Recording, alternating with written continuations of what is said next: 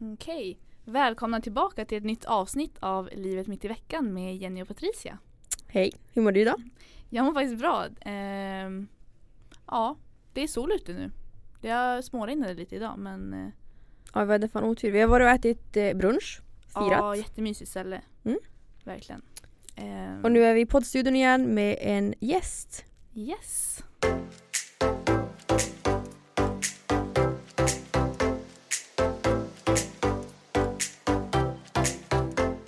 Vår gäst här idag är Alexandra Norling, a.k.a. Humlan. Välkommen! Tack så mycket. Hur mår du idag? Jag mår bra. Ja, Jag mår jätte, jättebra tack. gud vad kul att höra. Mm. Jag har en, första fråga som jag tror många vill veta. Humlan, vart kommer det ifrån? Oj, det är så gammalt. Ja det är det. Ehm, det är... Jag vet liksom inte ens om ni har koll på vad Playahead är. Så jag har hört talas om det lite. Det är före vår tid. Ja, det är lite jag före känner vår det. tid. Det är Mm. litet glapp här i, Ja. i åren. Men eh, Playahead är ju typ som... Eh, jag tänker, vet ni vad Lunarstorm är? Ja men det är Ja, men jag hade- det hört. Man har inte Ja. haft det men det var. Gud, är jag så gammal? Nej. Eh, ja men Playahead då, innan Facebook kom så var det Ah, liksom ah. som en så här eh, chattsida som man hängde på och eh, skaffade vänner och hade så här snygga profiler med Ja. guldramar och massa konstiga saker. Ehm, så det var väl egentligen där det typ startade i och Mm. med att den har en rolig stavning också så den har liksom hängt med mig i, Mm, Enda det är med vägen. två U och två A. och två A. Eh, så det var verkligen sen när man var typ 16, 17 Ehm, och jag tror, alltså jag kan inte exakt komma ihåg men jag vet att min mamma kallade mig för typ arga biet när jag var liten. Eh, varav jag typ blev inspirerad och fick för mig att eh, heta Humlan då på Playahead. ja. Nej vad kul. Ja, sjukt roligt. Ehm, och det här blev ju då varför jag började kallas för det. Det var ju för att jag hängde på Gröna Lund Mhm. och hade en grupp vänner där varav de redan hade en vän som hette Alexandra och de bara men det blir jättekonstigt när ni heter samma sak. Så då började de kalla mig för Humlan. Ehm, och det här är ju alltså, ja men det är ju mer än 10 år sedan. 12. Ja. Nej men Jäklar. gud det är typ 15 år sedan. Alltså det är så länge sedan. Ehm, Vad sjukt att det ändå har följt med. Ja, och det har liksom blivit mer och mer med tiden. Mm. Så det började där. Och så kallade den gruppen mig för Humlan och Mm. sen har det liksom bara hängt med. Och nu så är det så här, folk vet typ inte ens vad jag heter. Nej, bara för att men det är bara, humlan. Vi säger också humlan. Ja, Alltid. ja, ja men det är Ja. lite så. Ja. Men jag kommer och så bara hej Humlan, man bara hej. Alltså, Men dina kompisar säger humlan nu också. Ja, alltså Nej, många. vad kul. Ja. Inte liksom alla grupper utan det är vissa, vissa gäng typ som gör Mm. det. Så Nej, det är vad lite kul. Ja. Men så där har ni storyn. Nu vet vi bakom det. Mm. Det har vi funderat på. Ja, men var faktiskt. kommer den? Ska vi börja med den jobbigaste frågan kanske? Mm. Vem är du? Ja, vem är jag? um, alltså gud, jag tycker sådana här frågor är så svåra. Hur beskriver man sig själv? Jag borde typ ha frågat en vän så här, beskriv mig med tre ord. Eller hur? Ja. Ehm, nej men alltså vem är jag? Jag är en eh, 29-årig tjej, 30 på söndag. Mm. Ehm, bor i Stockholm, född i Stockholm. Eh, gick typ frisör på gymnasiet. Så jag är Mhm. utbildad frisör i grunden och har jobbat Nämen. som frisör i många år fram och tillbaks. Eh, det är ju då 11 år sedan jag tog studenten. Och jag var ganska exakt. alltså det blir bara så tydligt när man träffar några som är typ och bara, när tog ni studenten? Så bara, Och så var två år sedan.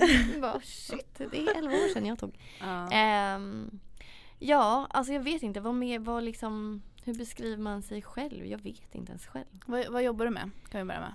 Ehm, ja men nu jobbar jag ju inte så mycket då. Ehm, utan jag har mitt frisöryrke, det har jag alltid haft på Mm. sidan. Eh, jag står inte på någon salong just nu utan jag har ju varit ute och rest i Mm. Mm. 6-7 månader och kom hem ja, men, i och med corona och allting.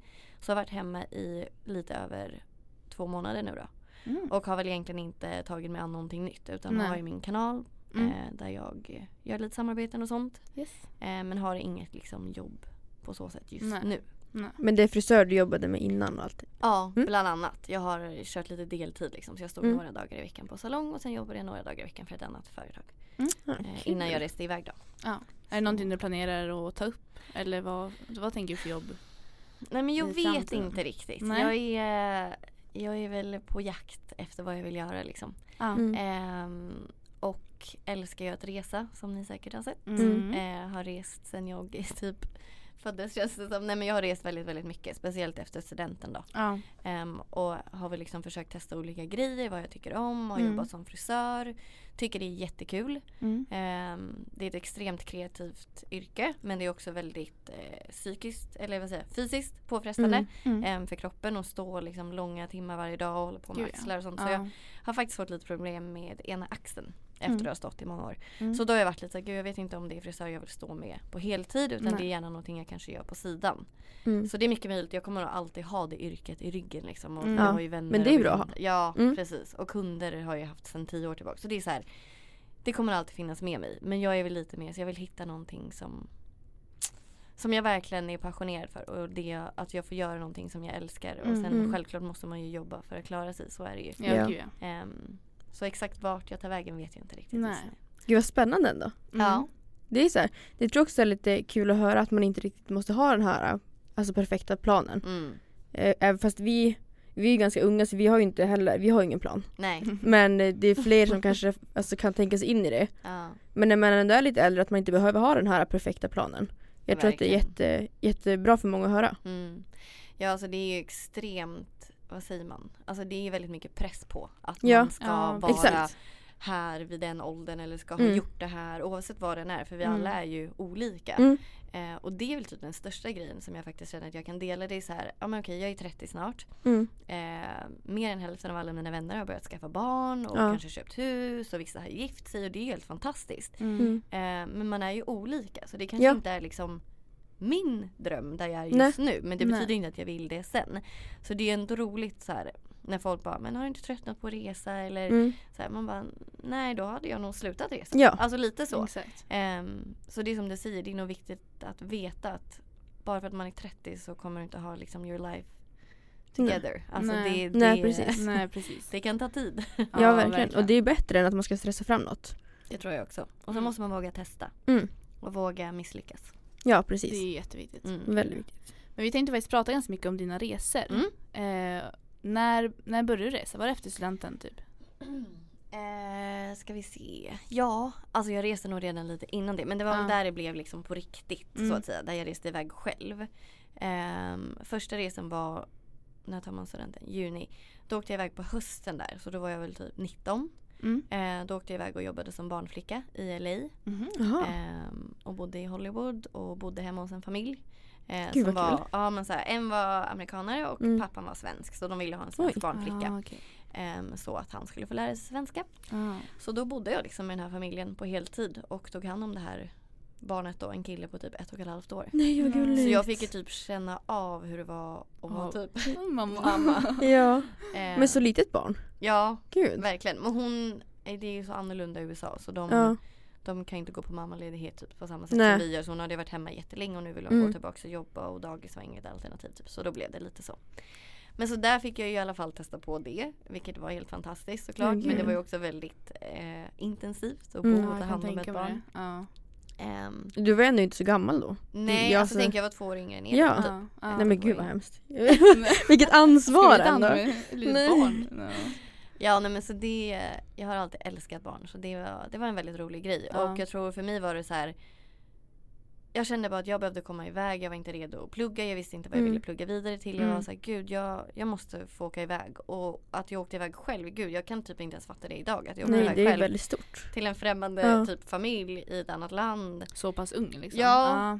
Det, men jag är väldigt väldigt glad för det för det öppnade ju Mm. upp en dörr till att jag fick ett sug på resandet liksom. Mm. Eh, så där var jag i nästan sex månader Mm. med att jag kom hem emellan då.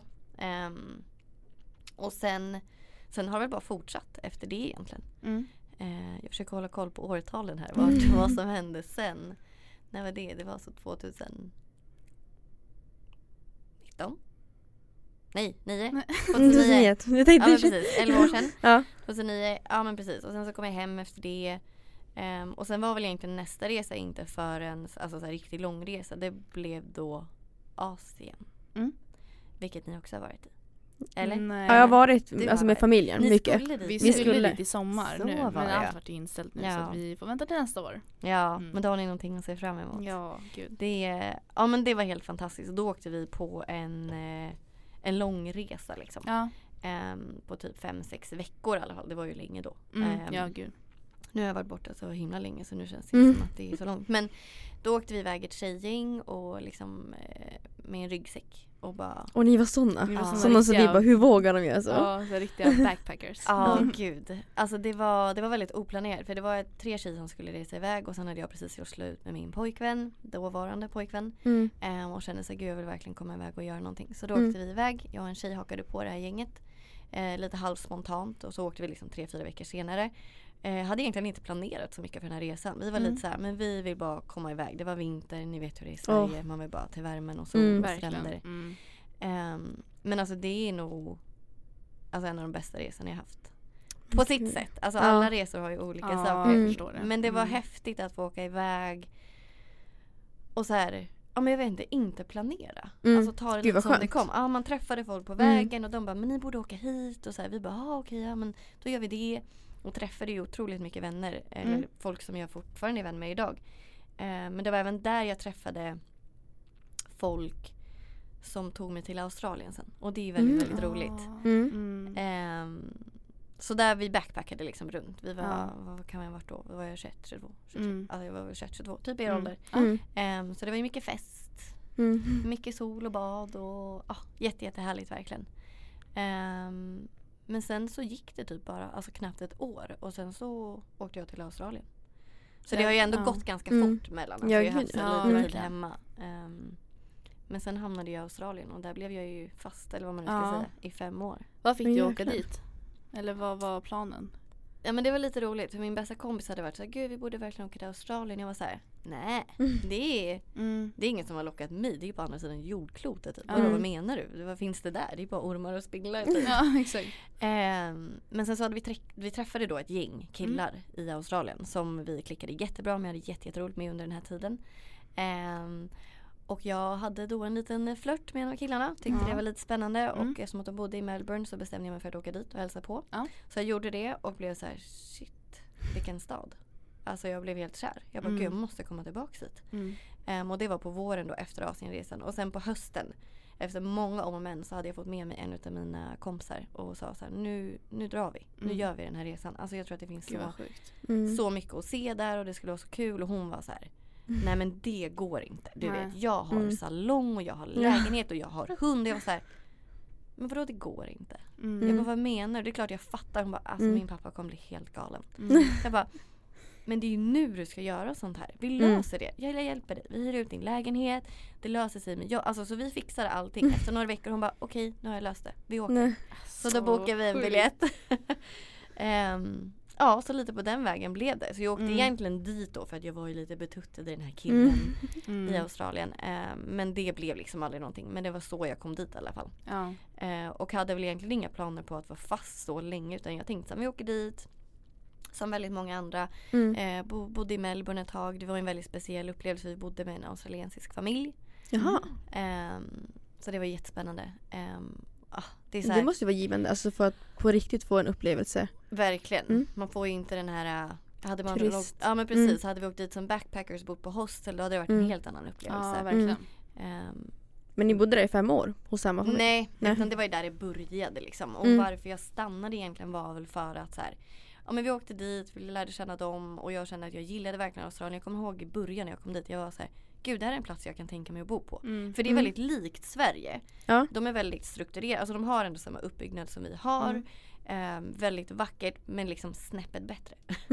Ja. Solen, alltså värmen, Ja. stränderna, människorna. Alltså Mm. mentaliteten i Australien är alltså helt fantastisk. De är så Mm. otroligt så open-minded människor Mm. och välkomnande. Mm. Och jag kände bara Gud så vad skönt. Gud jag trivs verkligen här. Mm. Men jag hade inga planer på att bo. Jag var bara så här, jag tyckte det var kul att vara här ett år typ. Mm. Ehm, så dit måste, jag måste bara säga det. Alltså Australien är så här, det är en plats man måste Det är så. besöka. Ja. Ja. Tycker jag. Alltså Mm. så här, det, Men det är många som tycker säger det. Ja. Ja. Men jag tycker verkligen det. Ehm, det är långt bort men det är värt det. Mm, Mm. Det är det man känner sen när man ska sitta där och kolla upp resor så bara Australien, ja men det är väldigt många timmar flyg. Alltså det är, Det är långt. Men det är därför om man åker dit man behöver ju så här minst tre fyra veckor. ja, Alltså så är ja det. Det är ingen tio dagars semester. Nej. Nej. Men vad, vad jobbar du med där? Eller när, Alltså, det- när skaffar du jobb? Vi jobbade ju lite, vi jobbade så här som servitriser typ Mm. på kafén och sånt i början eftersom att vi, vi hade ju ändå sparat ihop liksom för Ja, att kunna åka ja. iväg och vara borta ett tag. Ehm, men det gick liksom inte riktigt som vi hade tänkt oss. Jag vet inte, Nej. vi trodde nog att vi skulle få ett bra jobb och kunna fixa en lägenhet och så men det gick inte riktigt så. Mm. Det var inte lika lätt som vi trodde. Eller vi kanske inte ansträngde oss lika mycket som man kanske hade behövt. Mm. Ehm, så vi var i Melbourne i typ 3-4 månader tills pengarna i princip tog slut. Vi jobbade lite extra men vi, jag vet inte ens vart pengarna tog vägen. Vi shoppade och käkade och så här, ja, men det bara försvann. Ehm, kom till Sydney och tänkte ja, men nu måste vi skaffa ett jobb och en lägenhet. Men det är ju ganska intensivt att resa med Mm. en vän också. Och jag Ja. menar, även fast vi kände varandra så var vi inte så tajta. Nej. Mm. Så vi fick ju verkligen, man testas ju verkligen i sitt förhållande. Idag är vi jättebra vänner men där och då så var det ganska intensivt. Mm. Ehm, och det tror jag är viktigt att komma ihåg att det är sånt som kan hända när man åker iväg och gud, ja. reser. Mm. Ehm, men eh, det sket sig i alla fall. Så vi Mm. delade på oss Jaha. där och då. Eh, hon åkte iväg och reste i Thailand och jag bestämde mig för att åka till västra sidan där jag hade fått ett jobberbjudande för att göra farmwork. Och det är för att få ett Mhm. andraårsvisum. Ehm, och det är det du behöver göra för att få stanna längre då. För all, Alltså upp till 30. Åh gud, nu har jag gått förbi den snart. Ehm, så kan man ju få ett så här working holiday visa. Ja. Då får du jobba och resa alltså sex månader och sen sex månader. Alltså Aha. uppdelat. Mm. Ehm, och i och med att jag redan hade varit där nästan ett halvår så var det lite så ja men nu, nu måste jag göra det till om jag vill komma tillbaka. Så jag var Mm. jag vill verkligen komma tillbaka hit. Jag tycker Mm. det är så härligt. Ehm, så då gjorde det här farmworket i tre månader. Jag bodde ute i en mining town. Det är alltså Mhm. en gruvstad. Mhm. Mitt ute i australiensiska säga. Det var verkligen så här in the middle of nowhere. men gud vad sjukt. Ja, jag hatade den där staden. Nej. Alltså jag hatade den så mycket. Nej men att jag kom dit och jag bara, vad är det här? Mm. Alltså hur kan folk bo så här? Nej men jag var helt chockad. Ja, här kom ja. jag så här storstadstjejen och bara, men gud det finns inte ens ett rödljus i den här stan. Nej men gud. Nej men alltså det var så litet. Nu menar jag Ja. inte så här, jag Nej. menar inte så, den var verkligen liten. Och det var typ bara massa gruvarbetare och jag kände bara, gud jag vill bara härifrån. Men jag var så här, okej tre månader, då har jag gjort Mm. mitt jobb, sen är jag, drar jag härifrån. Mm. Men jag blev kär Nej. i är en kille som jag träffade där då. Eh, och hade ju planen på att komma tillbaka till Australien men jag tänkte att jag skulle tillbaka till Melbourne och Sydney. Det var ju liksom Mm. drömmen att få Mm. Mm, på hur? Bondi Beach och det som man ser alla gör. Men så blev det ju inte. Utan Nej. jag åkte tillbaka till den här hålan. Nej vad kul. Som jag hatade. I typ sex Det månader, är ju lite ett kul. år. Ja. Ja. Det Men han är jobbade också där eller vad? Ja precis, och han var inte därifrån, han var från östra sidan. Mm. Alltså East Coast Mm. och sen bodde han i West Coast. Många australienare åker dit och jobbar och så. Mm. Under några år Mm. typ så åker de hem. Ehm, så jag åkte dit. Eh, tyckte inte det var jättekul till en början men var lite såhär, ja ah, jag måste testa. Mm. Ja. så är det ju. Det är liksom, Mm. vad har jag att förlora? Ah, Okej Mm. det skits i, det var inte som jag hade tänkt mig, jag åker hem. Alltså Mm. det är verkligen mitt, jag tror att det är mitt så här, livsmotto. För det är så här, om du Mm. inte testar så kommer Mm. du aldrig veta. Nej Ska jag sitta där hemma sen och bara gud tänk om jag hade åkt Mm. dit, hur hade det blivit då? Ja det är det värsta när man verkligen undrar vad hade kunnat Ångrar hända. sig, ja, Ja. men Mm. precis. Och sen, så man ska väl aldrig ångra sig men det är lätt att det blir så. Mm. Att man Mm. som du säger, man undrar liksom. Mm. Ehm, Men vad jobbar, man- alltså, vad jobbar man med på? Alltså som sagt, det känns som att jag har haft en miljard olika jobb där borta. För det var Ja. ju lite så här, jag fick ju bara ta det som kom Mm. upp liksom. Eh, men jag jobbade liksom först som trädgårdsmästare då. Det här farmworket var ju Mm. trädgårdsmästare. Eh, det är också så här sjukt. Det var väl en sån grej som mina föräldrar var så här. Men det kommer inte du klara. Under Men vad kul ändå att du Ja, överbevisar folk. verkligen. Alltså jag kände så. Jag bara, fast va? Jag kan visst. Ja. så, så det gjorde jag först för ett privat företag. Sen Mm. gjorde jag det för kommunen och sen ledde det till en annan grej. Och sen började jag faktiskt jobba med, för kommunen på ett så ungdomscenter. Mhm. Ehm, med, som jag började jobba med ungdomar då. Och då var det ju framförallt, alltså det, det är väldigt kultur, alltså väldigt annan kultur. Mm. Mm. Det är då Australiens urbefolkning som heter aboriginals. Det var jättemånga sådana i Port Helland. Mm. Väldigt många sådana barn. Som kommer från väldigt svåra förhållanden. Ehm, som som, eh, ja, men som kanske inte har det så tryggt hemma och kom Mm. liksom till oss och hängde på dagarna och efter skolan. Eh, och de fann väl sin trygghet hos oss typ. Och där fick jag liksom Mm. börja jobba med barn. Och jag har ju alltid älskat barn. Mm. Mm. Ehm, men det var väldigt tufft att få se Ja, hur gud, de här ja. barnen lever och du vet, de kom dit i jag vet inte hur mycket jag vill gå in på det men liksom skitiga kläder och Mm. barn hade nog inte ätit på flera dagar. Alltså jag vet inte, Usch, det var ja. väldigt tufft liksom. Mm. Men det var väldigt kul att få finnas där och jobba med de här barnen och lära Mm. sig givande, liksom, givande jobb ändå. extremt Mm. givande. Ehm, så det gjorde jag i nästan tre år. Under tiden Mm. som jag bodde där. Och som sagt, jag blev ju fast då i den här staden, Port Hedland, i fyra och ett halvt år. Eh, vilket är helt sjukt. Så lilla hålan du hatade. Ja, det är sjukt också för den växte ju på mig. ja, Ja. ja, gud, Så med tiden så började jag ju faktiskt uppskatta. Alltså det Ja. blev som Mm. att jag kom bort från det här storstadslivet Mm. och började faktiskt uppskatta det här lugnet. Att Ja. folk inte var stressade, det fanns ingen trafik, Mm. stranden var min bästa vän. Alltså så här, jag blev lite så här, jag typ blev lite lugnare som människa tror jag. Mm. Och det var väldigt, eh, jag tror att det var väldigt givande. Gud, ja. faktiskt. Så på gott och ont liksom att den här hålan inte var jättekul till en början så tror Nej. jag att det, det har ju ändå form, format mig till den jag är idag. Ja, liksom. ja, verkligen. Ehm, ja. Men du var tillsammans med killen då under hela Mm, resan? I typ fyra och ett halvt år Jaha. blev det ju.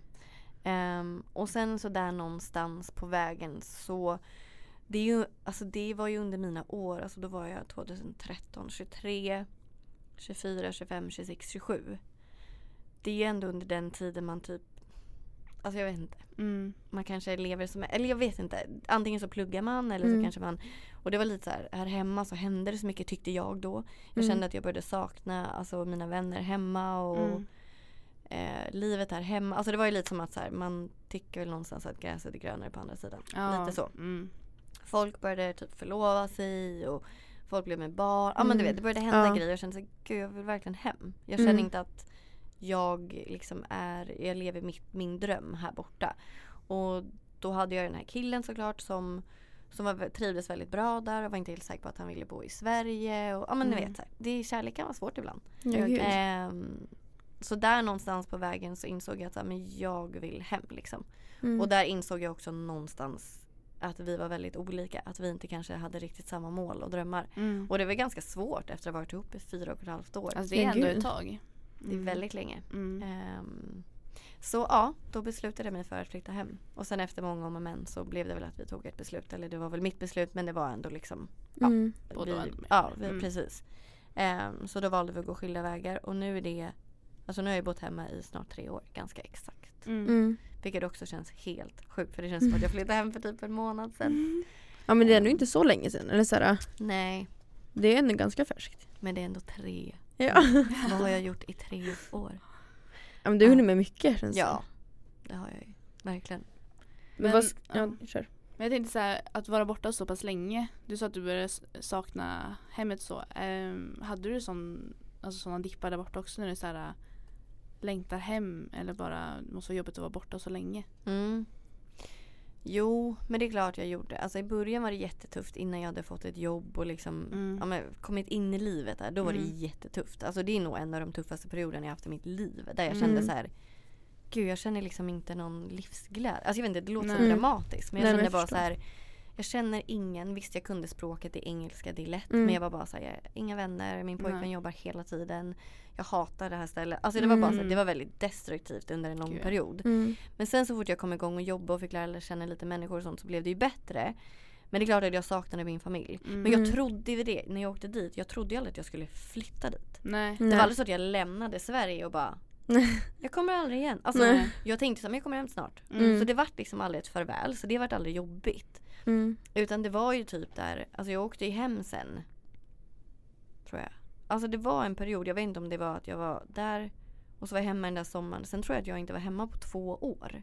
För att jag var tvungen att ansöka om då ett eh, partnervisa med Ja. min kille för att få stanna. Mm. För då hade jag använt mina två år. Mm.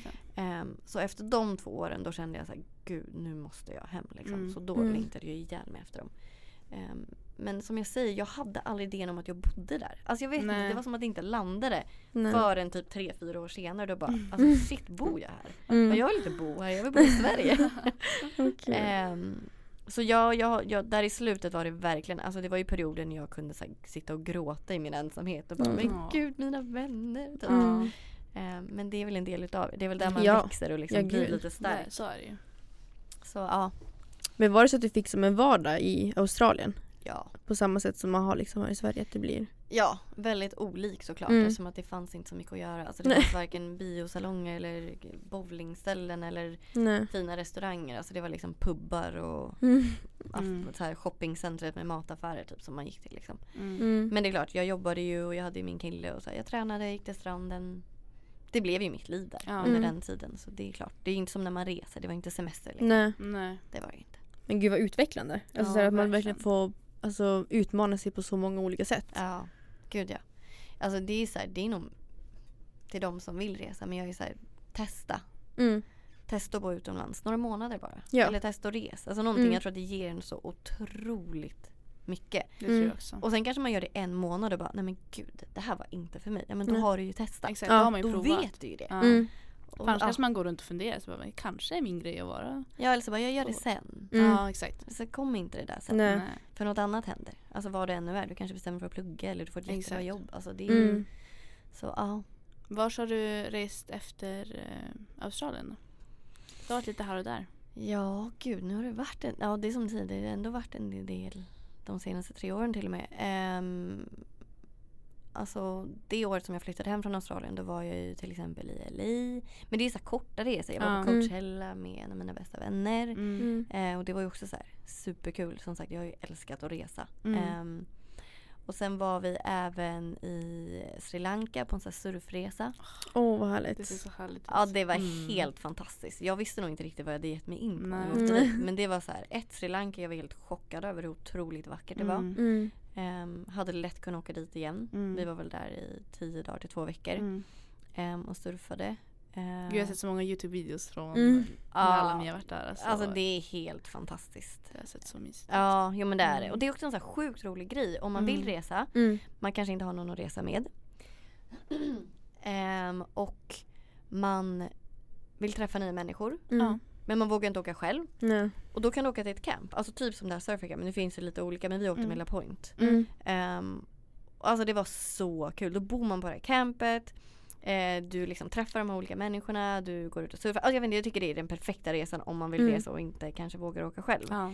Ehm, för just det, det som var också innan jag När jag flyttade till Australien den hösten så åkte jag också och jag kände så här, innan jag åker till den här hålan för någonstans kände jag här, det kanske blir att jag blir fast där ett tag. Så bestämde jag mig för att backpacka östkusten. Ja. Jag vet inte om ni har hört någon som har gjort det. Men jag känner att det är Mm. väldigt vanligt att folk gör det. Mm. Men då väljer man liksom, man börjar nerifrån eller uppifrån. Och då backpackade jag och en tjejkompis från Cairns hela vägen ner till Sydney under sex veckor. Mm. Eh, med en rygga liksom. Och bodde på Jäklar. hostel. Och, Oj. Ja men alltså nej, okej jag måste nog ångra mig. Det är nog den bästa resan jag har gjort. Ehm, för det var ju allt så här, vi hoppade fallskärm, vi Jäklar. dök, vi snorklade. Det är också så här. Det är det man borde göra om man åker till Australien. Mm. Mm. För det finns så otroligt mycket fina platser där. Och det är verkligen det jag känner typ via min kanal också. Att jag, jag hoppas att jag kan inspirera folk till att verkligen resa och testa. Mm, och I alla fall våga. Ja och prova. precis och sen Mm. vissa kanske, det är klart man måste planera och spara, det gjorde jag också. Mm. Jag sparade i nästan ja, men ett års tid för att kunna åka iväg. Mm. Ehm, så det är klart att det kanske inte händer på en gång men att Nej. ha, om man har den drömmen att inte ge upp den liksom. Mm. Ehm, men ja som sagt det har väl bara fortsatt efter det. Alltså Sri Lanka var en resa, året senare så åkte vi ju till, eh, till Costa Rica också med La Point. Då var vi ett jättestort gäng som åkte Mm. dit. Eh, och surfade och yogade och ja, det var också helt fantastiskt. Costa Rica Mm. var ju också helt, helt magiskt. Mm. Det ser så harmoniskt ut på de där Ja. resorna. När man bara... Så går man upp, man går ju upp skittidigt Ja. eller? Ja, alltså Ja. de har ju typ så här att man, man börjar ju Det finns olika liksom sessions. Ja. Så Mm. Visst då va, man typ varvar dem liksom under veckorna man är där. Om man är en vecka eller två veckor. Men jag tror vi var uppe så här vid 5.30 eller något Men det måste vara så mysigt. Bara tänka bara på stranden så här, Ja. och se solen gå upp. Alltså när Eh. klockan ringer då bara nej. Ja. Jag vill sova mer. Men så är det bara att dra på sig liksom bikinin. På med Mm. lite solkräm, hämta surfboarden. Åh. Och så liksom ner till stranden. Mm. Och sen när du väl är i vattnet. Alltså då är det ju Alltså ja. Då Gud, är man igång. resa. Shit. Ja. Men eh, om du skulle säga det absolut bästa med att resa? Alltså att resa, det bästa med att resa, det måste nog vara Jag försöker liksom tänka efter vad, varför jag älskar att resa. Mm. Alltså jag tror att det är för att få se någonting nytt. Mm. Att komma utanför sin liksom sin square, Mm. sin box. Att få se någonting annat, att träffa nya Mm. människor och nya kulturer Mm. och att få uppleva saker som är Mm. utanför din comfort zone. Där du försätts i situationer som du måste hantera som du inte vanligtvis vet hur du Mm. skulle agera i till exempel. Och Ja men det här med att se någonting nytt. Mm. Alltså det Mm. ger mig liksom så mycket Mm. glädje typ. Mm. Jag blir helt lycklig inombords. Och sen är det klart man gillar ju olika saker. Ja, Vissa är ju absolut. värsta upptäcktsfärdsmänniskorna och kanske vill gå och vandra Ja. iväg. Alltså jag har gjort sånt också. Men det är mer att få komma till en ny plats. Gud det är faktiskt en svår fråga. Vad det är som gör att det är det bästa med att resa. Men det tror jag verkligen är alltså det här med att man får växa i någonting. Mm. Mm. För att det är ju verkligen, om man bor i samma stad, man gör samma grejer, man jobbar på samma jobb, träffar Mm. samma människor. Det blir inte så utvecklande. Nej. Eh, och man utmanar sig sällan. Mm. Och, Alltså det är olika för jag har ju pratat med det här om, med mina Mm. vänner och sånt. Och det är väl en delad åsikt. För vissa Mm. kan nog tycka att men vadå jag utvecklas jättemycket hemma. I mitt jobb eller vad som helst. Mm. Alltså det beror på vad man är ute ja, vad man efter. jobbar, ja. Ja. Mm. Men jag personligen känner ju att det är då jag utvecklas som mest. Ja. Mm. när jag reser. Mm. Och jag lär känna mig själv på Mm. sätt jag Ja, aldrig hade det, vetat. ja. Ehm, och sen det här, jag tycker att jag tycker att jag själv har liksom fått ett mer open mind. Jag har mer förståelse. Alltså Mm. det är så jag själv upplever det. Sen Mm. betyder Ja. inte att det är så. Nej, Men men liksom det, för olika, att vi är olika, Mm. att vi tycker olika, att vi kommer från olika liksom, kulturer. Jag tycker det är fantastiskt. mm. Gud vad härligt. Ja. Vad är det jobbigaste med att resa då? Ja men det är väl när saker och ting liksom går åt helvete. Mm. Ja men när det inte går som man har tänkt sig kanske Ja. ibland. Och, men å andra sidan så är ju en, det en del av resandet. Och det är då man också kan växa Ja. och verkligen lära känna sig själv Ja. och utvecklas ännu mer. Precis, så jag, alltså jag, vet inte, jag tror inte det finns något dåligt. För allt är ju en erfarenhet. Ja. Mm. Det kanske låter lite så här klyschigt att säga men Ja. jag tror inte det finns något dåligt. Även Alltså, kanske klart- just där i stunden man säger men fan nu sket sig det här. Ja, Men, men då, då växer du ändå och du utvecklas ändå i Precis. det. Så det kommer ju ändå något gott Ja, det. Alltså jag tror verkligen så är, alltså jag tror att det är viktigt att se på livet på det sättet. Ja. Mm. Det är klart att Ja, det kan gud. hända hemska saker. Folk är med och olika, Mm. alltså sånt. Ja. Det kan vara tufft och man blir Mm. sjuk. Mm. Men det är så här, Nej. det är väl det värsta då Ja, precis. egentligen. Mm. Så ja. När var första gången du var i Thailand? Var det eller har det varit mycket, tänker det här med barnhemmet och det? Just det. Mm. Eh, första gången jag var i Thailand var ju då där 2012. Mm. Innan jag åkte till Australien. Ja. Ehm, och sen så har jag varit där Men sen har jag inte varit där sen dess förrän Mm. typ två år sedan. Förra, Mm. Alltså nu, inte i vintras men förra vintern. Eh, då jag Då min nya kille eh, var där så åkte jag och hälsade på honom där i några veckor. Mm. Och då var vi i Phuket bland annat. Ehm, men då var det mer bara en kort semester för då jobbade jag fortfarande heltid så då tog jag ledigt för att kom, Mm. åka dit. Mm. Eh, men den här resan nu som jag precis har kommit hem från då. Det är ju då Så egentligen har jag inte varit jättemycket i Thailand. Utan Nej. jag var där 2012 och sen var jag där för två år sedan i vintras. Mm. Och sen nu i vintras. Mm. Ehm, och då sa jag upp mig på jobbet. Eh, jag släppte min lägenhet. Min kille sålde sin Jäklar. lägenhet. Så det var väl lite såhär, men nu drar vi iväg. Mm. Ehm, för att vi ville liksom Han älskar Thailand och har varit där väldigt, väldigt mycket. Men han var Mm. såhär, det hade varit kul att få åka dit och vara där ett tag. Så. Mm. Och vi båda älskar värmen och gillar inte vintern jättemycket. Mm. Så vi tänkte att det blir bra läge, vi testar. Ja. Ehm, så då bestämde vi oss för att åka dit. Eh, och i samma veva som jag typ ja, men lämnade Sverige så fick jag alltså jätteroligt en, ett meddelande på min Instagram från en tjej som följde mig. Mm. Ehm, och sa så här, hej jag såg att ni ska till Thailand. Jag vill verkligen tipsa er om det här barnhemmet. Mm. Eh, vet inte om ni liksom, ni har säkert massa planer redan men jag skulle verkligen rekommendera att åka dit om ni, om Mm. ni tycker sånt är kul. Liksom. Och när jag fick det här meddelandet jag vart så här Gud vad sjukt. För att jag har typ haft en dröm om att få göra något typ av volontärarbete med Mm. barn. Speciellt efter mina år i Australien Ja. och jag fick jobba med barn. Mm. Ehm, och, och när det kom till mig det var lite så här men gud det är klart vi ska göra det. Det måste Mm. vi göra. Alltså det finns inget snack om saken. Och vi hade inte massa planer. Alltså vi skulle vara iväg i sex månader typ. Ja. Vi visste Mm. inte. Så jag bara ja men gud vad kul liksom. Det är klart vi ska göra det. Så det var på det sättet vi liksom kom i kontakt med det här barnhemmet. Och då Mm. bodde det ju en tjej som heter Bella som bor på barnhemmet. Eller nu är hon hemma i Sverige men hon har varit där. Hon är svensk eller? Ja Mm. precis. Så det var ju väldigt praktiskt. Mm, Alltså att vi ja, fick gud. tag i henne och fick kontakt med henne. Och ja, det ena ledde till det andra och sen efter några månader vi var där så bestämde vi oss för att åka dit och besöka det här barnhemmet. Mm. Mm. Ehm, vilket var Ja det var väldigt omtumlande. Ja Jag gud ja. Mm. Det var det. Mm. Så shit. Jag fick typ gåshud när så här tänker bara så här, vad sjukt det måste vara. Ja. Ja men det var det. Alltså det är ju bland det bästa jag har gjort men Mm. också bland det värsta jag har gjort. Ja. Utan tvekan. Ehm, jag visste nog liksom inte riktigt vad jag skulle förvänta mig. Hon hade ju Nej. typ varnat oss lite så här, Mm. så här kan det vara, så att du vet. Men ändå väldigt så här, hade noll Nej. tankar, idéer, förutsättningar. Alltså ingenting. Jag, var så Mm. här, jag har ingen aning. Vi åker dit så tar vi det som det kommer liksom. Mm. Eh, så jag och min kille åkte dit. Vi var där i en vecka. Vi bodde på barnhemmet. Mm. Ehm, och var med barnen ja, hela dagarna. Mm. Mm. Eh, Hur ser deras liv ut typ? mm, alltså grejen är så här, jag vet inte, jag tror att det finns jättemycket barn hemma i Thailand. Ja. Mm. Eh, så nu pratar jag för det här barnhemmet. Mm, absolut. Ehm, men just det här barnhemmet är eh, alltså så non-profit organization. Vilket Mm. betyder att det är eh, en ideell typ. Alltså det, Mm. de får inga eh, bidrag från staten eller kommunen. Ingen liksom hjälp överhuvudtaget. Så den, Mhm. de överlever på privata donationer. Från privatpersoner Mhm. eller företag Mm. eller så. Mm. Ehm, och det här hemmet är då startat av en thailändsk man och hans familj. Och han har hållit på med det här i ja, men över 30 år nu då. Oj. Mm. Och ja, men har liksom fått det här hemmet donerat till sig så att han kunde ha någonstans för barnen att bo och sådär. Mm.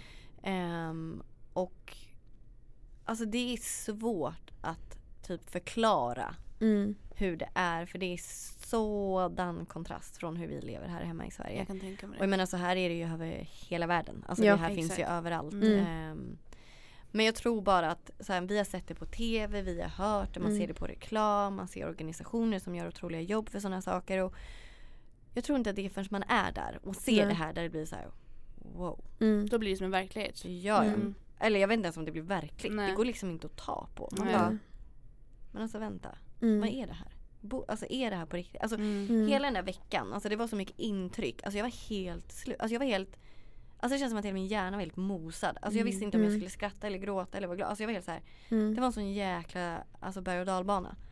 Ehm, men då till hur deras dagar ser ut. Så de här barnen bor på barnhemmet. Det är inget adoptivhem, man kan inte adopti- adoptera barnen. Utan det är bara ett hem för barn som har blivit... Ja, de bor där permanent? Exakt. Ja. Ehm, och det är ju sånt där, jag hade ingen aning om Nej. hur det gick Nej. till. Man, det fick Nej, man vi vet veta med tiden. Ja men Mm. precis. Eller jag har aldrig ens Alltså jag har hört om adoptivshem i andra länder Ja. men inte så här. Men det är klart jag fattar att det måste finnas hem där barn bor. Mm. För det är väldigt många barn som blir föräldralösa av Ja, olika gud. anledningar. Ehm, och till det som kanske är det jobbigaste då, de här barnen är barn som har liksom blivit fråntagna sina föräldrar. Alltså föräldrar, de har tagit barnen från föräldrarna för att de har blivit psykiskt, fysiskt, sexuellt utnyttjade. Ehm, och är Ja men inte har en trygg Mm. liksom, familj att bo hos. De kanske inte har föräldrar eller fam- föräldrar Mm. som är missbrukare. Eller, ja, det är liksom alla olika historier du kan tänka dig. Mm. Alla de värsta till vissa som bara är extremt fattiga och inte har råd att ta hand om sina barn. Liksom. Mm. Ehm, så barnen bor på hemmet. Det var, eller det är fortfarande 70 barn. Mm. Alltså det är mycket ändå. Mm. Alltså om man tänker att det är ett barnhem. Ja exakt. Mm. Alltså jag vet inte Mm. ens hur många barnhem det finns Nej. i Thailand. Ehm, så 70 barn i åldrarna, den yngsta då hon är väl typ ett nu men hon var Mm. 10 månader när vi var där. Ehm, till typ 20. Så typ Oj. till er ålder. Men gud. Men majoriteten var väl typ så mellan 10 och 16 kanske. Alltså Mm. typ så. Det var Mm. ändå den största åldersgruppen. Mm. Mm. Ehm, och några av barnen de har ju liksom vuxit upp på det här barnhemmet. Ja. De har ju varit där sedan de var tre, fyra. När de blev Gud, vad sjukt så ändå. sjukt. Ja. Man kan inte ens föreställa sig. Alltså, men Jag är det då folk som jobbar ideellt eller är det familjen där som tar hand om alla? Ja det är väl det som blir det lite sjuka också. Att de har ju ingen personal. Eh, ett för att de har inte råd. Nej, det är svårt. Och två det är väldigt mycket så här, ja, men kulturella anledningar till det Mm. också. Men, eh, men framförallt så är det för att de inte har råd. Eh, och eftersom det är ändå ganska mycket äldre barn så får de äldre barnen ta mycket ansvar. Mm. Så det är de äldre tjejerna och äldre killarna som Mm. eh, lagar mat, tvättar, städar, alltså allt. De håller Oj, ju rent på hemmet, de tvättar sina kläder för Mm. hand. Mm. Ehm, tar hand om de små barnen. Och de minsta då, vi, alltså Bella då som bor på barnhemmet, eller bodde på barnhemmet, hon, hon hade ansvar för de 20 yngsta. så Mm. det var de okej. vi hängde med mest under Mm. vår tid där. Eh, och vi har varit på barnhemmet två gånger nu, så vi var ju först där en gång i december. Men vi kände att det var alldeles för kort och vi vill Mm. verkligen åka tillbaka. Så vi vill verkligen göra någonting för det här barnhemmet. För jag känner verkligen så med min kanal och sånt, jag var så gud jag vill verkligen Mm. hjälpa till. Mm. Mm. Alltså jag, vi kan ju nå ut till så många människor som kan hjälpa till här för att de får Mm. så de får lite bättre förutsättningar för det var ju inte jättebra Mm. heller. Nej. Även fast det är mycket bättre än var de kommer ifrån så var det ju inte jättebra. Nej. Eh, alltså det är så här små saker men de har liksom, de har ingen varmvatten. Eh, jag vet inte, det är så här, de delar i kläder, alltså du vet det är så mycket Mm. grejer. Maten räcker inte alltid till, det är väldigt lite Nej. mat. Alltså det är mycket sånt som, som kan bli bättre för dem. Gud, ja. Mm. Och du startade ju en insamling i samband med det va? Mm, Var det andra gången du var Nej det var efter första besöket. första, Så vi mm. var där i typ första veckan i december. Mm. Och direkt var jag såhär, gud vi måste dra igång en insamling. Mm. Alltså skitsamma vad vi Mm. drar in. Drar vi in 5000 då är det 5000. Alltså, det är ju bättre Mm. än ingenting. Ja, ja, alltså. jag bara var så här, någonting måste vi göra. Mm. Mm. Så vi gjorde det, vi drog igång den under december månad och det var ju runt julen och sånt så jag tror folk känner sig väldigt så här, Mm. ja men jag tror folk känner att de vill hjälpa till. Mm. Speciellt under en sån tid. Jag tror att man blir Gud, ännu ja. mer Ja. generös Mm. än Jag vanligt. Ehm, och jag fick en otroligt fin spridning på den. Alltså Jag kommer ihåg det. Alltså Mm. jag, jag satt och grät när jag Ja. såg den videon. Alltså men jag bara det här är så sorgligt och det är Mm. så fint och det är bara allt på samma gång. Ja. Alltså det var så Ja det var tufft att försöka Ja. få in det i Ja, en gud, ja. video som Mm. inte blev för lång och långtråkig. Men jag ja. var så här, Mm. jag vill bara Jag vill bara dela kort Mm. budskapet med varför jag startade insamlingen. That's it. Jag Mm. behöver liksom inte Mm. prata så mycket om vår, Nej. vår resa där. Eller, det för Nej, mig var det bara så här, mitt Ja. budskap är att hjälpa barnhemmet. Mm. Verkligen. Ehm, så det var ju jättekul. Det gick så otroligt bra. Hur mycket var det ni drog in? Eh, totalt 220 000 nästan. Åh Alltså det är riktigt jävlar, bra. vad bra. Alltså, Gud vad, alltså vilken känsla att kunna göra något sånt. Ja. Alltså det är typ overkligt. Jag kan Ja. typ själv inte fatta det. Och vilket jävla jobb ni har gjort. Ja. Fan vad grymma. Ja och så kul att det var så många som ville hjälpa till och Ja, gud. supporta och så här. jättefint. Ja jag var väldigt, jag var väldigt chockad över den supporten vi fick. Men det var Mm. jättekul. Men är det många också som gör som er och åker dit och bor där? Eller är det så här fritt för vem som helst att åka dit och hjälpa till? bara? Alltså både ja och nej. Det är ju Ja. fritt men det är klart att det finns ju lite regler. Man ska ju liksom ha ett cleant register så att säga. Ja. Eh, vem som helst får inte åka dit. Eh, de har haft ett samarbete, just det här barnhemmet med volontärresor sedan några år Mm. tillbaka. Så jag vet att det var väldigt många som skrev till mig på Gud jag har också varit på det där barnhemmet. Mm. Vad fint det du gör och kände igen barnen och så här. Ja. Mm. Så det var jättekul. Det var väldigt många som skrev det. Men jag vet inte om det är så många som åker dit just nu. Mm. Eh, Nej, det har ju det att göra lite med barnhemmet. Det är ganska mycket jobb för barnhemmet eftersom att de måste ju ta hand om de som kommer också. Så det är lite så här. Ja. Det är ju väldigt kul att folk vill åka dit och volontära men det också tar mycket tid. Men Mm. finns det så man kan bo någon annanstans och vara i närheten? Eller? Alltså jag tror det- att man kan. Mm. För jag vet att jag frågade Bella det i början. Ja. var så här, ja men kan vi bo i närheten? Men så här efterhand, jag hade inte velat bo någon annanstans. Jag vill ju vara Nej. på hemmet. Men jag tänker Mm. om det blir jobbigt för... Om det blir extra Ja, Ja. för dem. Ja.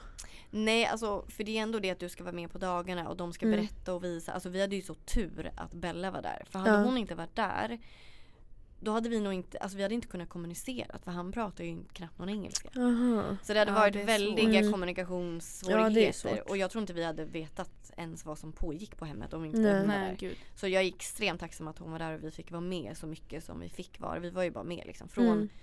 sju på morgonen, alltså sju på morgonen när de väcktes. De skulle klä på sig, få sin frukost som var typ godis och chips. Var det till så? att, ja, det är helt sjukt. Det är också så här, Thailand, det är deras frukost Ja. liksom. Men gud. Ehm, till att de skulle gå till skolan, vi var med dem i skolan. Men skolan, jag vet inte, den är inte som Nej. vår skola. Nej. Nej. Mycket lek. Ehm, men de har i alla fall en skola att gå till. Till att liksom komma hem, klä av sig, leka, äta, duscha, gå och lägga sig. Alltså Mm. det, det är ju en vardag som Mm. de har men det är väldigt strukturerat och det är väl enda Ja. sättet för att gå runt på så många Ja. barn. Jo det måste ju vara det för att det ska, det är så många det ska barn. gå. Ja, Ja, Gud, precis. ja. Dit hade jag velat åka. Ja. Ja gud, Gud. det, det är fantastiskt. Ja. Det är det. Samtidigt som det såklart är jobbigt. Ja Det måste gud. vara jättejobbigt. Det som sagt första veckan var extremt emotionellt. Det var Mm. mycket tårar. Att Det var så här, man kunde liksom inte fatta Nej. när man fick, alltså, jag tänker inte gå in på dem. Men när man fick höra så här, historier om vart barnen kommer ifrån och jag blev bara så här, Mm. Hur kan människor vara Mm. så vidriga mot Mm. barn? Ja. Alltså jag ryser när jag säger det. underförstått. Mm. Och det är fruktansvärt. Mm. Men å andra sidan får vi se det som att så här, de ändå kommit hit och de får Mm. en, en otroligt fin vardag jämfört med var de kommer ifrån. Mm. Ehm, och får förhoppningsvis möjligheter till att gå i skola.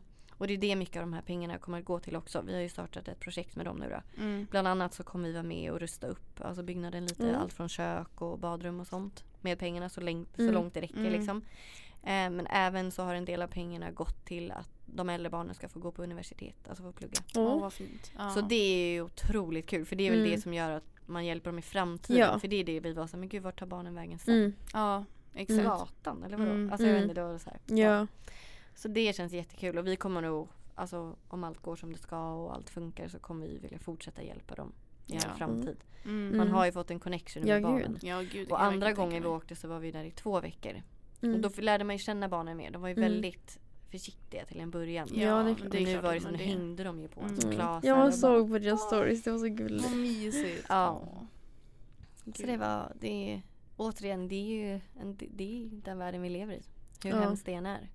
Och jag tror att man, alltså jag känner att jag är väldigt tacksam över att ha Även fast det var hem så är jag väldigt glad för att få upplevt det. Ja. För att jag fick, alltså jag har blivit väldigt ödmjuk sen Mm. dess.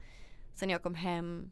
Alltså materiella ting. Alltså jag vet inte, jag har bara Mm. fått en annan syn Mm. på livet och att eh, man behöver inte så mycket för att vara glada. För att i Nej. slutändan de var ju otroligt glada barn. Mm. Det är det som känns så himla sjukt. Så mycket kärlek. Ja, exakt. Ja. Alltså, ja. Vi pratar ganska ofta om det. Alltså när det är så här, man tar upp ändå ämnen, saker som händer i världen. Men man kan aldrig förstå det. Man Svårt att sitter ta där, på. ja precis. Mm. Man sitter där och bara, hur fan kan det här hända? Och sen Mm. sitter vi här i Sverige, Och vi har är liksom, allt. vi är i samma värld. Ja. Det Mm. känns som en helt annan värld från den vi lever i. Mm. Ja det är sjukt. Det är helt galet. Men har ni någon insamling nu som man kan länka till eller? Eh, alltså egentligen inte men eh, jag håller på och klipper ihop, jag är lite långsam, men jag håller på och Mm. klipper ihop en video från vårt andra besök på barnhemmet. Ja. Mm. Ehm, så jag tänkte i samband med den så kommer jag förmodligen att lägga upp att man kan fortsätta donera. Mm. Eh, det har ju kommit in lite donationer efter också. Mm. Eh, och alla de här pengarna ligger jag ju samma, liksom, på samma konto så att de pengarna finns där. Mm. För vi har inte använt allt än, vi ger lite i omgångar liksom. Ehm, så det kan vi, det- jag kommer absolut lägga upp Mm. någonting sen så då får ni Men det här kommer ju släppas om några veckor. Så Ja. kanske att det är, igång då. Ja, Ja, då länkar vi så fall. Mm. Så kan ni också hjälpa till. Men vad kan man utifrån, alltså finns det någonting förutom då att donera pengar som man kan tänka sig att vi hade kunnat göra? Alltså det här är också svårt för jag tror inte att jag själv förstod det lite förrän jag var där. För jag fick otroligt mycket meddelanden exakt med den frågan. Vad Mm. kan vi göra för att hjälpa? Mm. Mm. Ehm, men eftersom att jag var där och såg lite hur det var och så här, jag vet inte om det här är någonting folk pratar om. Ehm, men jag väljer att göra det nu ändå. Men så här, det är jättefint att folk skickar eller em, leksaker och kläder Mm. och såklart kläder om någonting. Ja. verkligen sånt men det är väldigt svårt att transportera.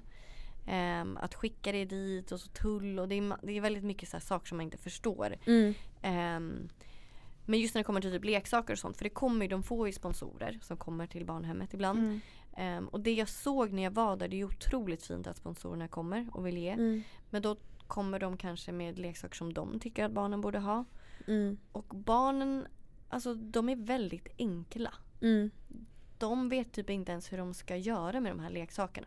Förstår du? Ja. Alltså, de leker med varandra de leker Ja. med sand och pinnar och när De de, får kreativa. leksaker de slår liksom, de liksom tar sönder leksakerna. Nej. Mm. Men det är ändå rätt eh, förståeligt om man har växt upp utan leksaker. Ja men lite så. Och de, vet, de, och de vet inte riktigt om det här hur man ska dela, om de får något. Alltså jag vet inte. Mm. Och så någonstans så sa Bella det, hon bara alltså det är jättefint att folk vill ge saker. Ehm, och det är ju jättebra, det är klart man inte tackar nej. Det är bara det att Nej. jobbet kring det är väldigt mycket. Och eftersom Ja. de inte har någon personal, de har ingen som gör det här. Som Nej. kan ta emot det, som kan skicka det, alltså allt sånt. Mm. Ehm, så pengar är ju i den här situationen det absolut bästa för det kan Mm. täcka så mycket. Ja. Det kan täcka deras matkostnader, deras elkostnader, mm. skoluniformer till barnen när barnen behöver gå till läkaren, tandläkaren. Mm. Så där förstod jag någonsin, det var därför jag valde att starta en insamling. För Ja. då kände jag så här, jag hade kunnat göra så mycket mer också med prylar. Mm. Men nu kände jag bara att pengarna är det som jag vet vart de kommer att gå till. Liksom. Mm. Ehm, Men det är ju bra, då vet man ju. Alltså Ja. det är, precis. då vet man om att det är det, Ja, det man ska satsa på. verkligen. Men eh, du nämnde att du kände att du blev mer ödmjuk efter den här resan. Mm. Är det något annat du så här, tänker på att eh, du har förändrats som person eller ändrat synsätt på någonting från de resorna? Alltså jag vet inte, det känns som att man blir mer liksom grounded. Mm. Någonstans så förstår man, alltså nu är jag ju hemma, nu är jag inne i den här bubblan igen och Mm. Mm. allt som händer och det är så himla kul med allt och det är så viktigt och jag fyller år och jag önskar mig det här. Men till och med typ Mm. när jag fyller år, folk bara, men vad önskar du? Jag är så här, jag önskar mig ingenting. Nej. Nej. Alltså, jag vill inte ha prylar. Alltså det Mm. låter så konstigt. Det är klart jag gillar saker, det är inget fel Mm. med det. Det är inte det. Men jag har bara blivit lite så här. Vi lever på en och samma planet. Visst det är olika länder, det är olika Mm. Ja. kulturer, det är olika språk. Alltså Mm. allt det där. Men i grund och botten känner jag bara att det är så jävla orättvist. Mm. Alltså det är så orättvist att här är vi Och här går jag runt, jag kan köpa vad jag vill när jag vill. Mm. Jag kan äta, jag får äta tre måltider om dagen eller fem om jag vill. Mm. Mm. Alltså de här, jag har aldrig sett barn skrapa, slicka Nej. sina tallrikar rena. För de vet typ inte när de får mat nästa gång. Alltså bara för att ge lite perspektiv på Mm. det. Så för mig vart det så himla svart på vitt att så här. Fan man klarar sig på betydligt mindre än vad Mm. jag har. Alltså allt från att jag typ har rensat min garderob till Ja.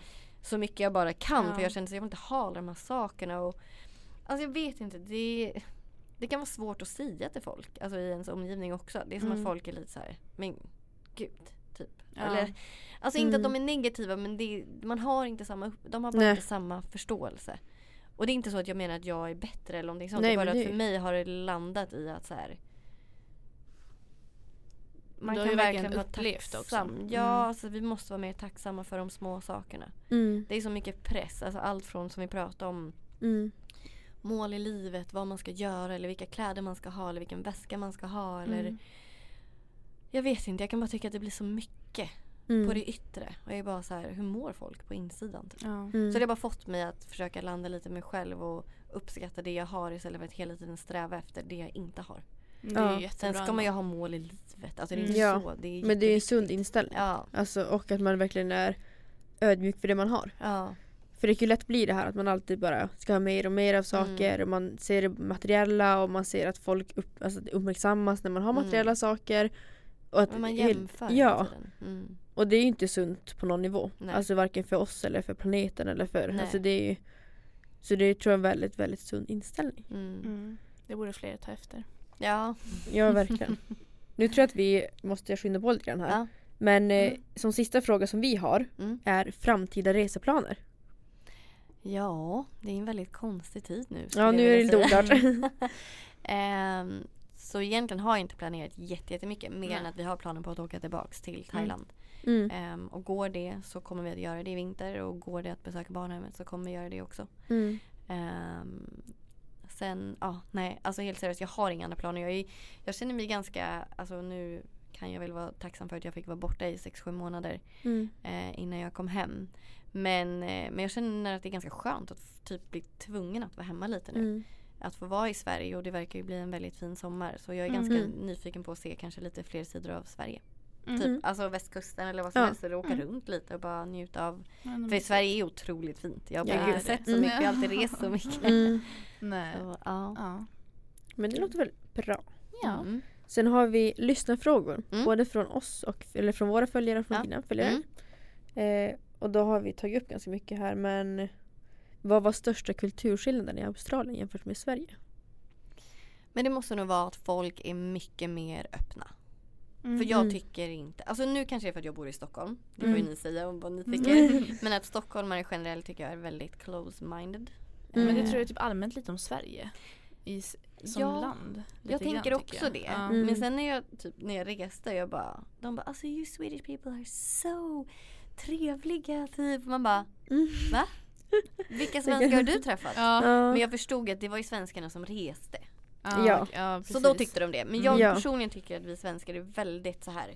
Vi går på gatan, vi tittar Mm. rakt fram, går du in det i det, du verkligen får så. inte ens ett förlåt. Alltså Mm. det är ju största skillnaden. Att folk i Mm. Australien var så att de öppnar dörren och bara hej, are Mm. you going? Alltså jag älskade det. Men så Mm. tyckte jag var i USA också. Ja. Upplevde, ja. Alltså Det är verkligen. lite lika där. Mm. Och jag tror jag tyckte det när jag var i USA först. Men sen kom jag till Australien och då var det lite bättre till ja. och med. Ja. Mm. Amerikaner kan ändå vara, alltså det här är my opinion, de kan vara lite fake.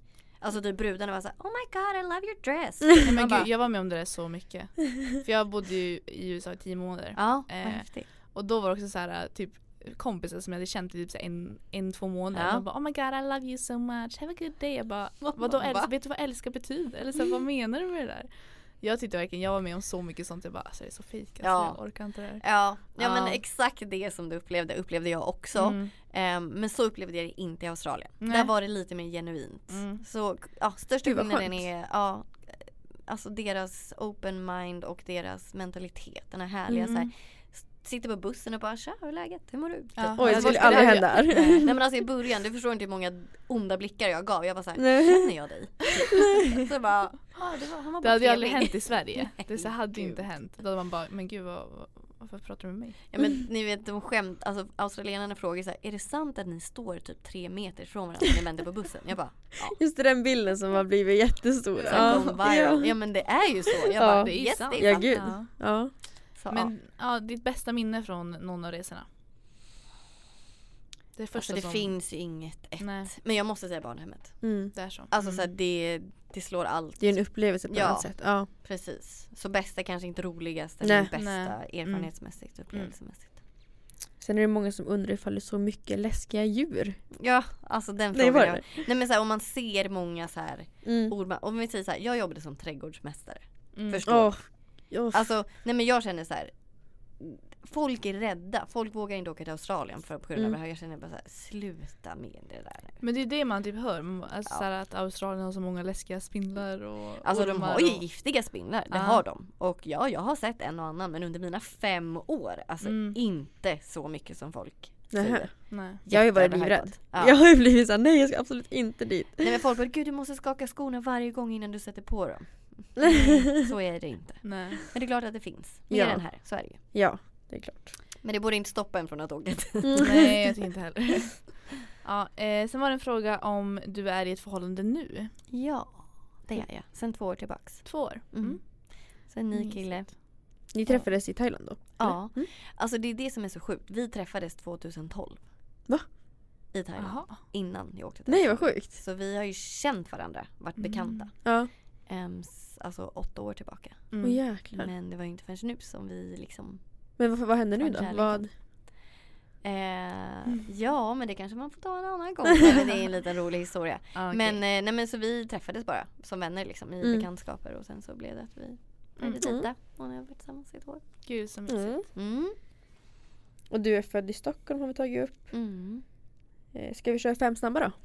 Det Gud vad läskigt. Nej det är väldigt, väldigt milda fem snabba. Ja, bra. vi är inte så hemska. Hade du velat bo i Sverige eller eh, utomlands? Utomlands. I vilket land hade det varit då? Där är det varmt. Jag kan inte säga ett specifikt land men där är det varmt. Mm. Där finns en strand. Mm. Lägenhet eller hus? Alltså jag har börjat bli mer och mer sugen på hus. Men Mm. jag känner inte att jag är redo. Så jag kommer säga lägenhet. Eh, alltid vara på resande fot eller aldrig mer få resa igen? Och då tänker vi så här max typ så här tre veckor på ett ställe. Så du kan inte bosätta dig i ett land. Alltså jag kom, alltså nu har jag ju rest mycket. Men jag måste nog säga på resande fot. Ja det är så. Oj det är lite sjukt tror jag. Mm. Lite ovant. Alltså det låter ju väldigt jobbigt att behöva Ja. höra att man måste flytta var tredje vecka. Det var ju Mm. kanske lite extremt. ja det var ju lite kort. Men Ja, jag vet inte. Nej fan vad svårt. Nej men okej jag börjar ju bli äldre. Jag kanske borde vara på en och Jag samma borde plats. vara. Ja, nej. Ett land du aldrig skulle kunna åka till? Det som dyker upp i, det är klart jag kan men det lockar inte att åka till Ryssland. Jag Nej. vet inte varför. Det känns kallt och de känns Ja. så arga. Typ, Nej jag vet Ja men inte. den köper jag faktiskt. Ja. Jag har ingen aning, jag har nog inget sånt. Var hade du bott om du inte fick bo i Asien? Eller Sverige då? Australien. Okej men förutom Australien. Ehm, oj. Ja men typ Spanien. Spanien. Ja för det Mm. känns nära hem, varmt, ändå Mm. så här. Mm. Språket kan jag typ lära mig. Ja men jag vet inte. Det låter ändå mysigt. Ja. Så har vi en sista obligatorisk fråga till alla gäster. Mm. Eh, berätta något som ingen vet om dig. Eller så ingen av följarna vet om dig. Oj. Det kan vara så här, typ en konstig vana eller bara något du har gjort du var liten och så här, något lite udda.